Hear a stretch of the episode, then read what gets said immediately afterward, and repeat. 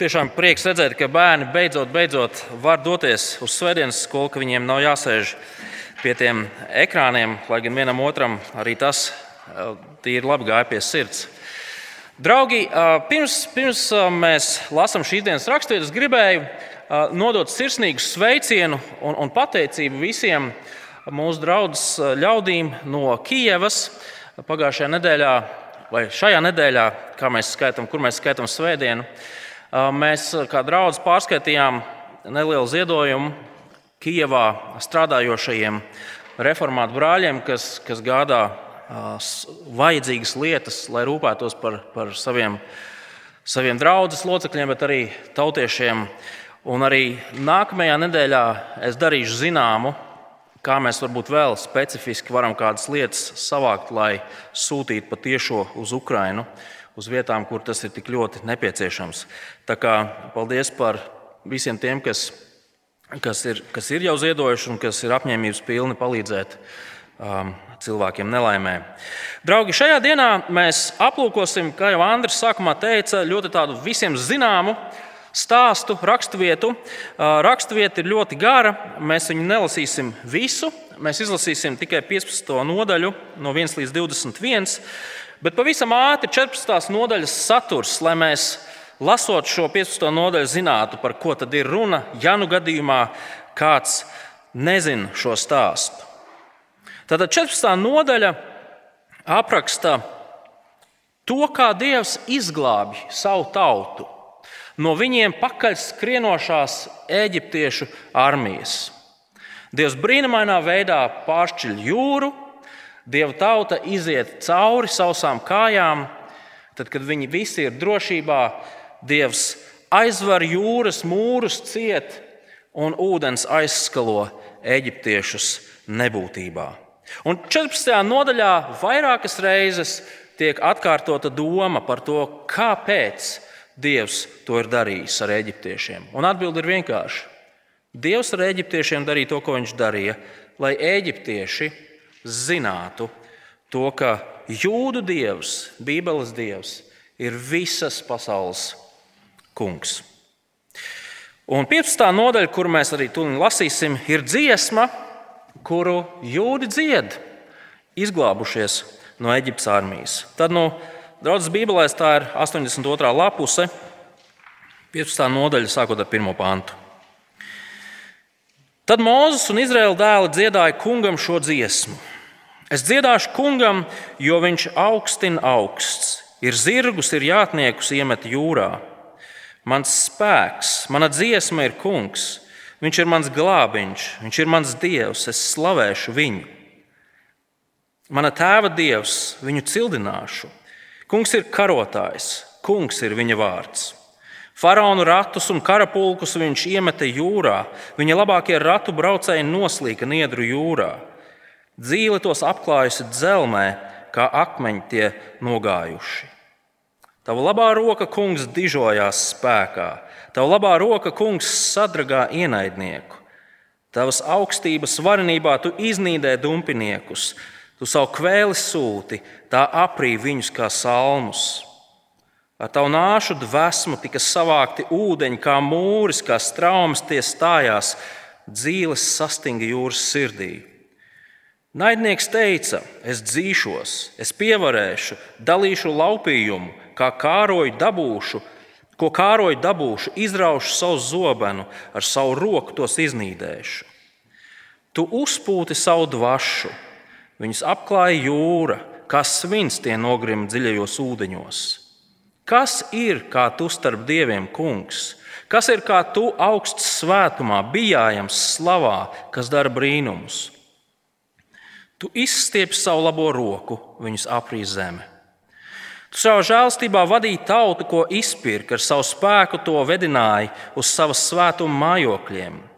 Dzirdēja tautas, nodarbēja, sāpes sakām pa filistīs iemītniekus. Tad satrokās Edoma virsnieki pār tūkstošiem, Moāba vadoņi sagrāba viņus trīsas, pašķīda visi kanāni iemītnieki. Tiem uzkritušas briesmas un šaušals no tava lielā elkoņa tiek klusēs kā akmens, līdz paies garām tava tauta. kungs, līdz paies garām tauta, kuru tu izpirki. Tu atvedi to un iedēstīji savu mantojumu kalnā. Savu mītni tu, kungs, taisīji, mana kunga svētvieta tavas rokas iedibināja. Kungs, lai valda mūžam un vēl. Kad faraona zirgi, rati un jātnieki nonāca jūrā, kungs lika, lai pār tiem nāk jūras ūdeņi, bet Izraēla dēli izgāja cauri jūru pa sausu zemi. Tad pravieta Mirjām, Ārona māsa, ņēma rokās bungas, un visas sievietes devās tai pakaļ, bungodamas un diedamas. Un Mirjama tām teica: Dziediet kungam, jo viņš augstina augsts, ir zirgus, ir jātniekus, iemeta jūrā. Tas ir kunga vārds. Lūksim Dievu. Debes Tēvs, šajā brīdī, kad nākam kopā, lai Tavu vārdu pārdomātu, mēs lūdzam, lai Tavs gars mums palīdzētu to saprast. Lūdzam, lai šī sapratne veido mūsu attieksmi, lai tā liek mūsu sirdīm arvien vairāk ilgoties pēc Tavas gribas un palīdz mums dzīvot kā Taviem mīļotajiem ļaudīm. Pienāks to lūdzam Jēzus vārdā. Amen. Šīs dienas raksturvietā apraksta Dieva lielo spēku, kas tiek demonstrēts tajā, kā viņš satriec un iznīcina visus savus ienaidniekus. Dievs ir dusmīgs uz ļaunumu, Dievs tiesā ļaunumu, satriecot Eģiptes armiju pīšļos. Viņš ļaunumu aizslauka no zemes virsmas, burtiski ar viļņu vāliem. Viņa uzvara pār ļaunumu ir absolūta. Nekas un neviens nepaliek pāri. Neviens netiek saņemts gūstā, neviens netiek apžēlots, neviens nespēja izkļūt cauri sveikā. Draugi, kā jums patīk šāds dievs, šāds dieva apraksts? Iespējams, no vienas puses eh, šobrīd It īpaši šobrīd, sekojot līdzi notikumiem Ukrajinā, neviens, šajā, neviens vien šajā zālē ilgojās pēc tā, lai Dievs kaut ko tādu izdarītu ar visiem tiem, kas ir atbildīgi par neaizsargātu, nevainīgu cilvēku nonāvēšanu. Kaut Dievs ar zibeņiem saspirtu, saspartu visus tos, kas dod pavēles, kas spiež pogas, lai lidotu raķetes un bumbas, skolu, slimnīcu, dzīvojamo māju virzienā, bēgošu cilvēku virzienā. Mēs ilgojamies, kaut taisnība sistu visus ļauna darītājus. Mēs gribam redzēt šādu dievu. Draugi, lai cik mums šī doma arī neliktos vilinoša šajā brīdī, šeit ir viena neliela, patiesībā ļoti liela problēma. Jo redziet, saskaņā ar Bībeli ienaidnieks kuru Dievs iznīcina, ne obligāti ir kāds, kurš ir pavērsis ierocis pret miermīlīgo cilvēku. Nē, draugi, Dievs iznīcina ienaidnieku, kurš ir pavērsis ierocis pret Dievu. Kurš savā sirdī nicina Dievu, kurš skaļi vai klusi neieredz Dievu. Un līdz ar to nav nozīmes tam, vai šis dieva ienaidnieks ir līdz zobiem bruņojies čečenu mežonis vai miermīlīgs Kijavas iedzīvotājs, kurš bēg no kara šausmām, vai tikpat labi miermīlīgs rīznieks, kurš dzīvo savu dzīvi šajā pasaulē. Šīs dienas raksturvieta, šīs dienas raksturvietā aprakstītā Eģiptes iznīcināšana, Eģiptes armijas iznīcināšana ir reāls vēstures notikums, kas māca kādu svarīgu lietu mums visiem. Dievs taisnīgi tiesās visus savus ienaidniekus. Un, draugi, šī patiesība, šai patiesībai ir jāliek mums uzdot svarīgu jautājumu, kurā pusē mēs esam. Kurā pusē mēs esam? Vai mēs esam Dieva pusē, vai mēs esam pret Dievu? Jo, kā mēs redzam, šīs dienas notikumā, eh, šīs dienas raksturvietā, būt pret Dievu ir šausmīgi. Vienlaikus šīs dienas raksturvieta un patiesība, kuru mēs tajā redzam, mums, kas sevi saucam par Dieva ļaudīm, liek priecāties par to, ka Dievs ir tieši šāds Dievs. Ka Dievs ir taisnīgs Dievs, ka Dievs ir tiesnesis, kurš agrāk vai vēlāk spriež taisnīgu tiesu. Draugi, galu galā šī 15. nodaļa, kuru mēs lasījām, ir, ir slavas dziesma, kuru jūdu tauta visticamāk dziedāja cauri gadsimtiem. Šī slavas dziesma mudina uz pielūgsmi, kas nāk no apziņas, ka ienaidnieks ir iznīcināts un nekad vairs netraucēs. No apziņas, ka verdzība ir palikusi aiz muguras. No apziņas, ka Dievs mīl savus ļaudis un darīs visu nepieciešamo, lai beigu beigās viņus izglābtu un par viņiem parūpētos. Tad nu aplūkosim šo dziesmu nedaudz tuvāk, un es ceru, ka mēs visi caur to iepazīsim mūsu kungu daudz labāk. It īpaši to, ka viņš ir taisnīgs, cīnītājs, karotājs, kurš sakoja visus savus ienaidniekus. Dziesmas pirmie 12 panti apdzied dieva varenību. Tiešām kā viņš iznīcina visus ienaidniekus. Un, draugi, šie ienaidnieki bija visnopietnākie ienaidnieki, kas tajā laikā Izraēla tautai, dieva ļaudīm varēja uz, uzglūnēt. Lasot otro mūža grāmatu, mēs jau esam eģiptieši satikuši pareizi. Mēs esam redzējuši to, ka viņi um, ar faraonu priekšgalā viņi ir ļauni un cietsirdīgi. Viņi savā paranojā dažādos veidos bija mēģinājuši nonāvēt jūdu mazuļus, nogalinot, iemetot tos Nīlas upē. Viņi dažādos veidos centās apgrūtināt jūdu dzīvi šajā uh, viņu reģionā, liekot viņiem vergot, smagi strādājot, un ko tik vēl ne, lai viņu iz, izmisums būtu arvien lielāks un lielāks. Mēs esam redzējuši faraona vienkārši neaptveramo lepnumu, kurā viņš ciešot sakāvi vienā raundā pēc otra, nevēlējās atzīt to, ka viņš ir zaudētājs un ka Dievs ir uzvarētājs. Un tikai tad, kad Dievs sprieda tiesu par eģiptiešiem, paņemot eģiptiešu pirmzimtos, faraons visticamāk ar putām uz lūpām teica, labi, vācaties projām. Bet tajā visā nebija grēka nožēlas. Viņš joprojām Dievu uzskatīja par savu nāvīgo ienaidnieku. Un arī šīs dienas raksturvietā mēs redzam to, ka, ka faraons atgriežas pie saviem vecajiem stiķiem. Un kāpēc gan ne? Pareizi. Viņš taču ir sava laika vis, visspēcīgākās armijas virspavēlnieks. Viņam ir vismodernākās tehnoloģijas. Viņa militārais spēks ir nepārspējams. Autors vairāk kārt uzsver, ka viņam ir kara šie kaujas rati, kas ir mūsdienu M1 Ābrams tanku ekvivalents. Viņam ir visātrākie zirgi, viņa karavīri ir bruņoti no galvas līdz kājām. Ja esat redzējuši filmu Gradzena pavēlnieks, tur ir viena tāda epizode, kur, kur um, Rohānas iedzīvotāji ir patvērušies savā pēdējā cietoksnī, Helmas dzīvēs, un viņi ir aplenkti ar milzīgu orku armiju. Visi melni bruņās, tērpti, muskuļoti. Uh, briesmoņi, kuru vēlme ir tikai un viena vienīgi iznīcināt visus cilvēkus. Un skatieties, 15. nodaļas 9. pantā, cik augstprātīgi ir šie dievi ienaidnieki.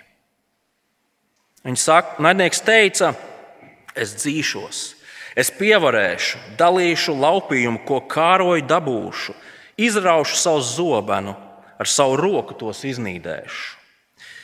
Draugi, eģiptieši šajā brīdī raugās uz ebrejiem, uz jūdu tautu, kā uz vieglu laupījumu, kā uz bariņu bezpalīdzīgu civiliedzīvotāju, kas ir sadzītis stūrī. Eģiptieši ir gatavi ātrai, jā, ļoti asiņainai spēcoperācijai pie jūras. Bet tas nav viss. Lai visu padarītu vēl sliktāku, Dievs 14. nodaļā apzināti izrēlieši bija ievedis šādā situācijā. Pašķirat 14. nodaļas pašu, pašu sākumu. Skatieties, no 1 līdz 3 pantam. Kungs teica Mozum: Saki Izraēla dēliem, lai viņi atgriežas un apmetas pret Pīhīrotu starp Migdolu un jūru iepratīm Bāla cefonai. Apmetieties pie jūras iepratītāji Un faraons teiks par Izraēlu dēliem, apmaldījušies viņi tajā zemē, tūkstnesis viņus ieslēdzis. Izrēlieši bija nonākuši jūras malā. Pēc tās uh, neizrunājumās, um, pēc neizrunājumiem geogrāfijas vietu apzīmējumiem, viņiem abās pusēs ir klinšaini tūkstneši. Jūra priekšā, klinšaini tūkstneši abās pusēs. Un vienīgā izēja ir noslēgta. Tur atrodas Eģiptes armija. Un, draugi, kāds gan tur ir brīnums? Ja visu to zinot, izrēlieši ieraugot šo armiju, ieraugot to, kur viņi atrodas šajā brīdī, reaģē tā, kā ir pierakstīts 14. nodaļā, 11. un 12. pantā. Skatieties, Izrēlieši teica Mozum, vai Eģiptē nav kapu, ka tu mūs atvedi nomirt tuksnesī? Redzi, ko tu mums izdarīji, aizvestam mūs no Ēģiptes. Vai mēs Ēģiptē neteicām, atstāj mūs vergot eģiptiešiem, jo mēs labāk vergojam eģiptiešiem nekā mirstam tuksnesī? Gals ir klāts. Nu, pareizi. Dievs taču varēja viņus uz vēja spārniem pat taisnāko ceļu aizvest uz apsolīto zemi. Bet nē, Dievs viņiem lika griezties atpakaļ, iet pa kaut kādu garāko ceļu. Nu, viņi ir apmaldījušies tuksnesī pie jūras. Sliktāk vairs nevar būt. Cilvēcīgi sliktāk vairs nevar būt. Taču, draugi, jūs jau zinat, ka tur ir kāds āķis pareizi. Un tieši tā.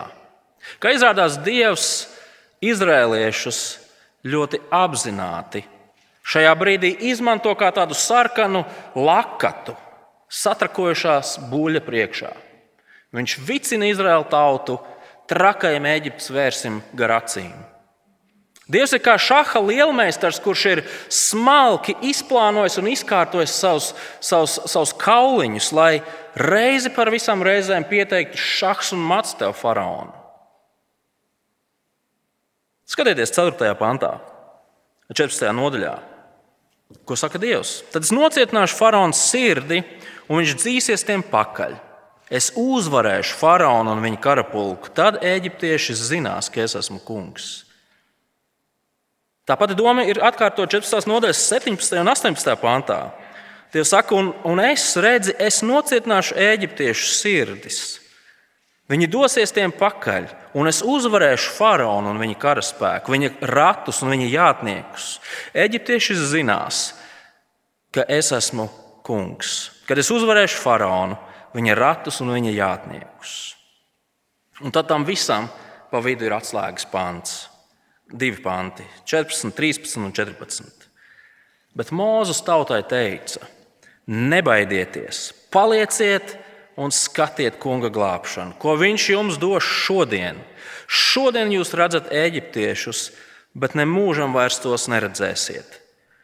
Kungs par jums cīnīsies, bet jūs klusējiet. Draugi, mēs redzam, ka visi šie šausminošie notikumi, šī krīzes situācija pie jūras ir apzināts Dieva plāns. Izraēla tauta ir kā tādi dzīvi šaha kauliņi, kas ir nolikti šajā vietā. Un, un, un Dievs, kurš ir šaha lielmeistars, viņš skaidri zina, ko viņš dara. Izrēliešiem ir jāklusē, viņiem ir jāskatās, Un tādā pārnestā nozīmē viņiem ir jābauda, kā Dievs viņu vietā cīnās, izglābjot viņus no ienaidnieka. Viss, kas viņiem ir jādara, ir jāklusē, un tajā brīdī, kad ir dota pavēle iet, jāšķērso šī jūra. Un tieši to mēs arī redzam notiekam 14. nodaļā. Viņi klusē, viņi gaida, viņi šķērso jūru, nonākuši otrā jūras pusē. Viņi redz to, kā ienaidnieks tiek aizskalots ar visiem zirgiem un ratiem. Dievs izcīna totālu, pilnīgu uzvaru, izglābjot savus ļaudis. Un līdz ar to bailes, paniku nomaina cits meldiņš. Skatieties, kā beidzas 14. nodaļa. Izraels nu redzēja, ko kungs ar varanu roku bija darījis eģiptiešiem Un tauta bijās kunga, un viņi ticēja kungam un viņa kalpam mūzumu. Un, draugi, šī ticība pārauga dziesmā, kuru mēs lasījām, 15. nodaļa. Skatieties, kādas ir izrēliešu domas par kungu tagad. Skatieties, kā viņi apdzied viņa vareno spēku. Pirmie trīs pānti, 15. nodaļā. Es dziedāšu kungam, jo viņš augstina augsts. Ir zirgus, ir jātniekus iemeta jūrā. Mans spēks, mana dziesma ir kungs. Viņš ir mans glābiņš, viņš ir mans dievs, es slavēšu viņu. Mana tēva dievs, es viņu cildināšu. Kungs ir karotājs, kungs ir viņa vārds. Dievs ir spēks saviem ļaudīm. Viņš ir slavas dziesma saviem ļaudīm. Viņš ir glābiņš saviem ļaudīm, viņš ir karotājs, kurš cīnās par saviem ļaudīm. Šeit tiek aprakstīts izcils karavadons, kurš nu pat kā ir noslaucījis nenormālu pārspēku no zemes virsmas, izcīlot absolūtu uzvaru. Tāpat mēs redzam, ka šī dziesma atklāja to, ka ienaidnieku iznīcināšanā Dievs iesaistās pats personīgi. Tā ir viņa iniciatīva un viņa izpildījums no sākuma līdz beigām, no 6. līdz 8. pantam. Tava labā roka, kungs, dižojas spēkā. Tava labā roka, kungs, sadragā naidnieku. Tavas augstības varenība, tu iznīdē dumpiniekus. Tu savu kvēlu sūti, tā aprī viņus kā salmus. Ar tavu nāšu dvēsmu tika savākti ūdeņi, kā mūrs, kā straumes tie stājās dzīvēs, sastinga jūras sirdī. Tava, tava, tu, tu, tu. Un visbeidzot, cik grūti Dievam nācās izcīnīt šo uzvaru? Vai šis mačs gāja tā plecu pie pleca? Vai uzvarētājs tika noskaidrots pēcspēles sitienu sērijā? Uzvarētājs tika noskaidrots uzmanīgi un rūpīgi pētot fotofinišu? Skatieties, desmitajā pantā. Tu uzpūti savu dvašu, viņus apklāja jūra, kā svins tie nogrima dziļajos ūdeņos.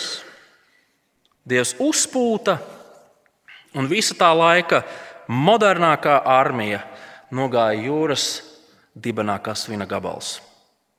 Dieva ienaidnieki ir kā tāds kārš un namiņš, kas sabrūk pie vismazākās vēja plūsmas. Es pieņemu, ka gan jau ka mēs visi esam mēģinājuši salikt kāršu namiņu. Es, godīgi sakot, tālāk par diviem stāviem nekad neesmu ticis, jo visu laiku es nopūšos un tas sabrūk. Varbūt kāds var padežoties ar kaut ko lielāku, bet jūs visi zinat, mazākā vēja plūsma, mazākais piesitiens pie galda un stundas ir izniekotas. Un tā mēs redzam šahu un matu. Eģiptiešiem nebija ne mazāko cerību. Nav neviena, kurš dievu var izaicināt uz divkauju un cerēt, ka nu, vismaz kājā es viņam iešaušu. Nav nekādu cerību jau no paša sākuma. Tas ir neprāts izaicināt dievu uz divkauju. 11. un 12. pāns. Kas ir kā tu starp dieviem, kungs? Kas ir kā tu augsts svētumā, bijājams slavā, kas dara brīnumus? Tu izstiep savu labo roku un viņus apries zeme. Vai vēl ir kāds cits, kurš būtu līdzīgs dievam? Vai starp visiem tajā laikā, kad, kad, kad Mozus bija pierakstījis šo grāmatu, vai tajā laikā bija starp visām lielvarām, spēkiem, cilvēku radītiem, izdomātiem, brīnumus darošiem, nedarošiem, vai ir kāds, kurš var līdzināties šim dievam? Un atbilde, protams, ir nav. Nav neviena. Dievs ir varens karotājs, kurš iznīcina savus ienaidniekus ar vienu, pat ne rokas vēzienu, ar vienu dvašu, vienu izelpu. Kas tas par biedējošu spēku? Reizēm cilvēki, lasot šos, šos pāntus, viņi nav pārliecināti par to, vai Dievs gadījumā šeit nedaudz nepāršāpā ar strīpu. Jā, eģiptiešiem vajadzēs sadot pa dibenu. Viņš varēja paņemt tos pirmos lecīgākos tajā armijā, nozvetēt un pārējie tā kā saprast un dotos mājās. Kāpēc šāda veida rīcība? Un par šo notikumu domājot, mums ir jāsaprot tas, kas bija eģiptiešu lielākais grēks. Mēs varētu teikt, ka eģiptiešu lielākais grēks bija tas, ka viņi meta Nīlas upē ebreju mazos puisīšus, lai viņi noslīkst. Vai varbūt tās eģiptiešu lielākais grēks bija tas, ka viņi šausmīgi paverdzināja jūdus, ka viņi viņus sita, mocīja, izmantoja. Un, protams, šīs lietas, kuras es minēju, viņas ir ļaunas, netaisnīgas, un tās vajag nosodīt, un pret tām vajadzētu iestāties un tiesāt. Taču, draugi, eģiptiešu lielākais grēks visā šajā bija tas, ka viņi bija nostājušies pret Dievu, ka viņi nicināja Dievu, un šis naids pret Dievu izpaudās tajā, kā viņi izturējās pret Dieva ļaudīm. Viņi neatzina Dievu kā visas pasaules radītāju, visas pasaules valdnieku. Un ir vēl viena lieta, un to ir ļoti svarīgi saprast. Dievs eģiptiešus varēja noslīcināt jūrā vai iznīcināt jebkādā citā veidā, pat tad, ja eģiptieši būtu pati miermīlīgākā tauta pasaulē. Pat tad, ja eģiptieši nevajātu jūdus. Kāpēc? Tāpēc, ka kā ik viens cits šīs pasaules iedzīvotājs, sākot ar ēdienas laikiem, kurš ienāk šajā pasaulē, automātiski pārstāvot cilvēku rasi, ir dieva ienaidnieks. Tas viss sākās ēdienas dārzā. Draugi, Dievs radot cilvēku, un, un mēs jau šodien dzirdējām no Andra, kā Dievs radīja cilvēku un ar kādu mērķi. Bet Dievs ēdienas dārzā, 1. mūža grāmatā, 2. nodaļas 17. pantā teica, to var visu darīt, visu ēd, darbojies, bet no laba un ļauna atzīšanas koka nēd. Jo tajā dienā, kad tu no tā ēdīsi, tu mirti un mirsi. Cilvēki nepaklausīja, cilvēki ēda, pasaulē ienāca ļaunums, pasaulē ienāca grēks, un šis grēks un ļaunums ir klātesošs pilnīgi visos Ādama un Ievas pēcnācējos. Tas, ka eģiptieši vispār šeit ir, tas ir milzīgs brīnums. Tas, ka jūdi šeit vispār ir, ir milzīgs brīnums. Tāpēc, ka stāsts ar cilvēku varēja beigties Bībeles trešajā lapusē. Taču Dievs kaut kāda sava nodoma dēļ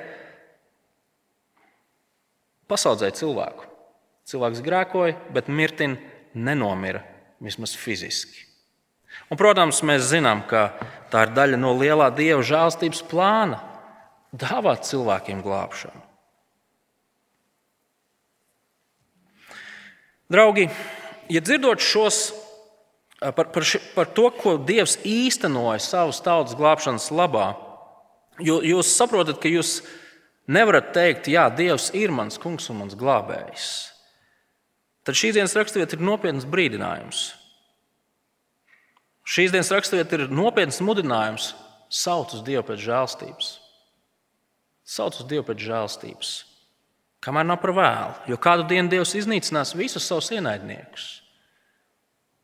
Un mēs visi tādi esam pēc savas dabas. Pat ja esam vismiermīlīgākie cilvēki pasaulē, mēs esam Dieva ienaidnieki, jo ienīstam viņu. Dievs ir varants un nepārspējams karotājs. Viņš taisnīgi tiesā visus ļauna darītājus. Viņš izglābj no verdzības un posta. Tas ir tas, par ko dzied dievu ļaudis, stāvādami jūras krastā. Bet tas nav viss, ko viņi dzied. Jo redziet, Dievs ir uzticīgs tam, ko viņš ir solījis. Skatieties, 15. nodaļas 13. pantā. Tu savā žēlastībā vadīja tautu, ko izpirka ar savu spēku, to vedināja uz savu svētumu mājokļiem. Šeit izmantotais vārds žēlastība sākotnējiem lasītājiem uzreiz atmiņā atsauc kaut ko ļoti, ļoti svarīgu, proti, dieva derību ar cilvēku. To, ko viņš bija apsolījis pirms daudziem, daudziem gadsimtiem Ābrahamam. Dievs Ābrahamam apsolīja, Es tevi darīšu par lielu tautu, es tevi ievedīšu absolūtā zemē, tu būsi par svētību citām tautām. Es būšu kopā ar tevi, un tu būsi mans. Un viss cauri vecai derībai līdz ša, šim brīdim, kad mēs stāvam jūras krastā, Dievs ir gādājis par to, lai piepildītu to, ko viņš ir solījis. Lai uzticīgi, jā, iespējams, reizēm mums liekas lēni, bet uzticīgi piepildītu to, ko viņš ir apsolījis. Un tā ļaudis dzied par Dieva žēlstību, par Dieva derību. Bet vai jūs pamanījāt vienu neparastu lietu? Proti, sākot ar 14. pāntu, šajā dziesmā mēs redzam to, kā, kā jūdi dzied par, par to, kā, ko Dievs darīs nākotnē. Bet viņi dzied par šo nākotni tā, it kā tā būtu jau pagātne. Nu, piemēram, jūdi jūras krastā dzied par to, kā Dievs ir sakāvis ienaidniekus, kurus viņi vispār vēl nav satikuši. Un skatieties no 14. līdz 16. pāns. Dzirdēja tautas, nodarbēja, sāpes sakām pa filistīs iemītniekus. Tad satrūkās Edoma virsnieki par tūkstošiem, Moāba vadoņi, sagrāba viņus trīsas, pašķīda visi kanāni iemītnieki. Tiem uzkritušas briesmas un šaušals no tava lielā elkoņa. Tie klusēs kā akmens, līdz paies garām tava tauta, kungs, līdz paies garām tauta, kuru tu izpirki. Mēs šeit redzam Filistiju, Edomu, Moābu, Kanāniešus. Visas šīs uh, tautas ir apsolītās zemes teritorijas kaimiņu tautas. Un mēs no vecās darbības vēstures zinām, ka visas šīs šeit uzskaitītās tautas ir vissīvākie dievu tautas ienaidnieki. Kaujas un kari desmitiem gadu garumā. Bet ko mēs lasām šeit? Šajā dziesmā stāvādam jūras krastā. Jūdi dzied par saviem nākotnes ienaidniekiem. Viņi saka, Dievs, paldies, ka tu viņus esi iznīcinājis jau. Mēs vispār viņus neesam vēl redzējuši, bet uzvara jau ir mūsu caur Dievu. Viņi dzied par to, kā, kā šī, šīs tautas ir šausmas pārņēmušas dzirdot par Dievu. Viņi izliekas par akmeņiem, lai Dievs paietu garām. Uzreiz prātā nāk skolēns, kurš nav izdarījis mājas darbu. Viņš palien tik zem, cik vien var zem galda, lai tikai skolotāja skatiens pārlaistos pār viņu. Viņš paniski gaida to zvanu, kad stunda beigsies, lai viņš varētu būt brīvs. Un tieši tā mēs redzam Dieva tautas ienaidniekus, nākotnes ienaidniekus, ja gribat. Viņiem sānā ir iedūries, iemeties dūrēs, dūrēs, viņiem ir nelabi. Viņi ir saraušies čokurā par to, cik viņiem ir slikti domājot par šo dievu. Viņi gaida, kaut tik viņš ātrāk paietu garām, kaut viņš ātrāk paietu garām. 17. pāns runā par, par dienu, kad jūdi beidzot nonāks savā zemē. Tu atvedi to un iedēstīji savu mantojumu kalnā, savu mītni, tu, kungs, taisīji mana kunga svētvietu, tavs rokas iedibināja. Draugi, ja mēs būtu pirmie lasītāji vai tie, kas mēs dziedam šo dziesmu, ceļš līdz apsolītajai zemē, līdz šim, šai mantojuma vietai ir tāls, grūts, dažādiem izaicinājumiem pilns. Tauta vēl mēģina attapties pēc tā, no tā, kas bija tikko noticis. Bet vienlaikus viņi dzied par to, ka jau atrodas apsolītās zemē kopā ar Dievu. Iespaidīgi, vai ne? Un tas jautājums ir, kāpēc viņi tā dara? Kāpēc viņi ar tādu pārliecību dzied par nezināmo nākotni, tā it kā tas viss jau būtu piepildījies? Tas ir tāpēc, ka Dieva karotāja, nu pat kā īstenotajā glābšanas gaismā, visi nākotnes šķēršļi, visi nākotnes ienaidnieki ir pieveikti.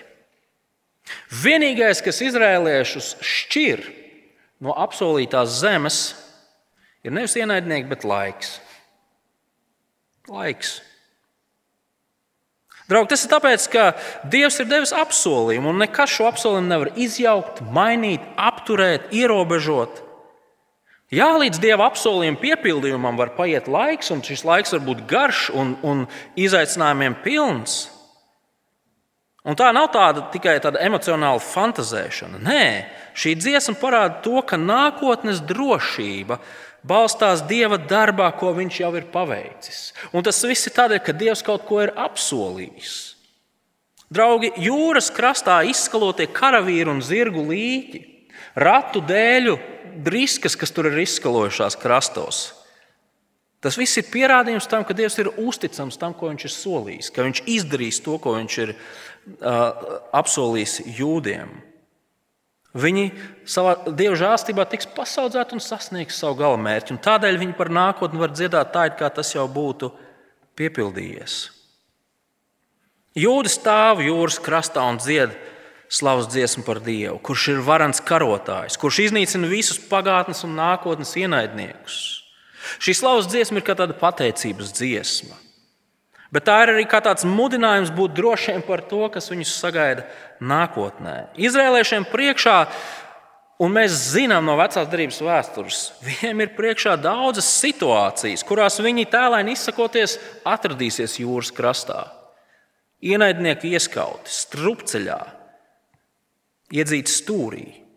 Un šādās situācijās šī dziesma viņiem atgādina tik svarīgo patiesību Dievs ir varenais karotājs, kurš cīnās savu ļaužu pusē. Un neviens ienaidnieks viņiem nav par grūtu. Draugi, bet kā mums raudzīties uz šo dziesmu? Kas ir tās lietas, ko mums vajadzētu mācīties no šīs dziesmas? Vai, nozīmē, vai šī dziesma nozīmē to, ka Dievs arī visus mūsu ienaidniekus iznīcinās līdzīgā veidā? Tas nozīmē vienkārši jādzīvo tuvu pie jūras laikam. Bet tas nozīmē, ka Dievs visus šīs pasaules apspiedējus iznīcinās vienā brīdī. Pagājušā gadsimta 60. gados ASV un īpaši Dienvidamerikā attīstījās um, tā saucamā atbrīvošanas teoloģija. Ko tas nozīmē? Šie, šie cilvēki, kas piekopja šo teoloģiju, praktizē, viņi radīja dažādas organizācijas, lai atbrīvotu apspiestos cilvēkus. Mazie revolucionāri, ja tā viņus varētu nosaukt. Un skaidrs, ka papētot šī, šīs kustības biedru mācību, mēs ļoti ātri redzam, ka tur ir paņemts šis stāsts no Bībeles un, un izkropļotā veidā īstenots dzīvē. Draugi, mums ir jāsaprot, ka vecajā derībā Jūdu gadījumā viņu verdzība bija fiziska. Un galvenais viņa ienaidnieks bija faraons. Un Dievs kā karotājs savus ļaudis atbrīvoja no abām lietām - no verdzības un no faraona varas. Taču nonākot līdz jaunajai derībai, mēs redzam, ka jaunā derība runā par cita veida verdzību un cita veida ienaidnieku. Verdzība ir grēks. Runa ir par grēka verdzību, un runa ir par dieva lielo ienaidnieku, Sātanu. Uz brīdi atvērsim jaunajā derībā vēstuli Efeziešiem un izlasīsim no otrās nodaļas paša sākuma. Vēstule Efeziešiem, otrā nodaļa, no 1 līdz 3 pantam. Mēs lasām šādus vārdus. Arī jūs bijāt miruši savos pārkāpumos un grēkos, kuros reiz dzīvojāt, piederādami šīs pasaules laikmetam. Pakļaudamies valdniekam, kas valda pār gaisa valstību, pār to garu, kas vēl tagad darbojas nepaklausības dēlos. Viņu vidū arī mēs reiz dzīvojām, savas miesas iekārēs, rīkodamies pēc miesas iegribām un iedomām, un pēc savas dabas bijām dusmības bērni, kā visi pārējie. Pāvils saka, pēc dabas pilnīgi visi cilvēki, tādēļ, ka viņi ir grēka vergi, viņi ir garīgi miruši. Viņi, viņi kalpo savām iegribām, savām miesas kārēm. Viņi ir pakļauti šīs pasaules valdniekam. Draugi, Jēzus nenāca, lai cilvēks atbrīvotu no okupantu varas, no Romas impērijas, kas bija pakļāvusi tā laika jūdeju. Jēzus nāca lai ar savu nāvu un augšām celšanos sakautu šīs pasaules valdnieku varu un cilvēks atbrīvot no grēka verdzības. Kristus mums dāvā garīgu dzīvību, No verdzības un nāves valstības mēs tiekam ienesti brīvības un dzīvības valstībā. Skatieties, Efeziešu vēstulē, kā, kā, kā Pāvils turpina no 4. panta. Bet Dieva žēlstība ir bagāta. Savas lielās mīlestības dēļ, ar ko Viņš mūs mīlējis Viņš līdz ar Kristu atdzīvināja arī mūs, kas bijām miruši savos pārkāpumos. Žēlstībā jūs esat izglābti. Viņš mūs līdz ar Kristu ir augšām cēlis un līdz ar viņu sēdinājis debesīs, Kristu Jēzū. Un arī šeit Pāvils runā par šķietami nākotni, bet tā ir kā tā jau būtu notikusi tagad. Kristū mēs esam miruši un jau augšām celti un jau sēdināti kopā ar Kristu. Draugi, Kristus mūs ir atbrīvojis no vēlna un grēka varas. Mēs esam brīvi. Mēs esam ceļā uz šo godības pilno nākotni dzīvi kopā ar Dievu, Dievu valstībā. Bet ceļš līdz tam galamērķim nav viegls. Tajā ir daudzi klupieni un kritieni, Tajā būs brīži, kad mēs jutīsimies, ka no visām pusēm esam iedzīti stūrī. Un tā sajūta radīsies tādēļ, ka mēs saskaramies paši ar savas sirds grēcīgumu. Cik bieži mums negadās teikt, atkal jau es esmu kritis un grēkojis. Un vēl vairāk dzīvojot kritušā pasaulē, mēs visu laiku saskarsimies ar citu cilvēku ļaunumu, īstenoto ļaunumu. Draugi, tas, kas notiek Ukrajinā, Iespējams, mūsos var radīt tādu tā jocīgu bezpalīdzības sajūtu. Un jo vairāk mēs par to domājam, varbūt pat kādam no klātesošiem tas var radīt kaut kādu veidu izmisuma sajūtu. Bet šīs dienas dziesma, 15. nodaļā, viņa mums dāvā iemeslu priecāties. Kungs Jēzus ir sakāvis visus mūsu lielākos ienaidniekus. Ieklausieties, ko pēdējo pāris dienu laikā atkal un atkal savā Facebook profilā ir sludinājis Kijavā dzīvojošais un kalpojošais reformātu mācītājs Sergijs Nakuls. Pa vidu visām šausmām viņš raksta šādus vārdus: Brāļi un māsas, atcerēsimies Dieva apsolījumu. Varanā Bābele kritīs Beig beigās ik viens faraons pieredzēs savu sarkano jūru. Tā ir patiesība. Ja Kristus savu dzīvību par mums ir devis, vai tad viņš mūs pametīs? Ja viņš mūsu dēļ ir cietis, vai tad viņš mūs atstās mūsu ciešanās? Ja viņš ar asarām par mums ir lūdzis, vai tad viņš par mums tagad neraudās? Viņš ir Imants. Dievs ir ar mums. Draugi, tie nav sentimentāli vārdi. Tā nav arī tāda motivējoša uzruna. Nu, pacietīsimies un pārvarēsim grūtības. Nē, draugi, to saka cilvēks, kurš kopā ar citiem brāļiem un māsām ir iedzīts stūrī fiziski, Kijavā. Viņiem visapkārt ir ienaidnieki. Viņi visu laiku slēpjas no raķetēm un bumbām. Bet Sergija vārdi ir patiesība. Dievs ir ar saviem ļaudīm vienmēr, visur, pat tad, ja fiziski ir gals klāt. Mūsu kungs ir varants karotājs, kurš beigu beigās spriedīs tiesu arī pār tiem, kas ir izbēguši no šīs pasaules tiesām. Beigu beigās ik viens saņems pēc nopelniem. Tāpēc mēs esam mudināti pacelt savus rokas, pacelt savus balsis, savus acis vērst uz kungu un slavēt viņu par drošo glābšanu. Viņš ir pieveicis mūsu lielāko ienaidnieku. Vēlns ir sakauts. Mūsu grēks, eh, grēka verdzības važas ir sarautas. Un neviens fizisks vai cita veida ļaunums, kas ap mums plosās šajā pasaulē, mūs nevar galīgi pazudināt. Būsim droši savā cīņā ar pašu grēku un ļaunumu. Un būsim droši arī tad, ja mēs saskaramies ar citu cilvēku izstrādāto ļaunumu. Un, draugi, nemitēsimies citiem stāstīt šīs dziesmas patiesību, ka Dievs ir varants karotājs, kurš iznīcina ļaunumu un kurš glābi cilvēkus sev. Lūksim Dievu! Labais dabas Tēvs, patiesi mēs gribam tevi slavēt par to, kāds tu esi. Debes Tēvs, tu esi pilns žēlastības. Tu grēciniekus nesodīji tad, kad viņi bija pelnījuši to sodu, nopelnījuši, bet tu dāvāji žēlastību. Tēvs, un tas nav tādēļ, ka tu esi kaut kāds ņūņa, kurš nevar taisnīgi rīkoties.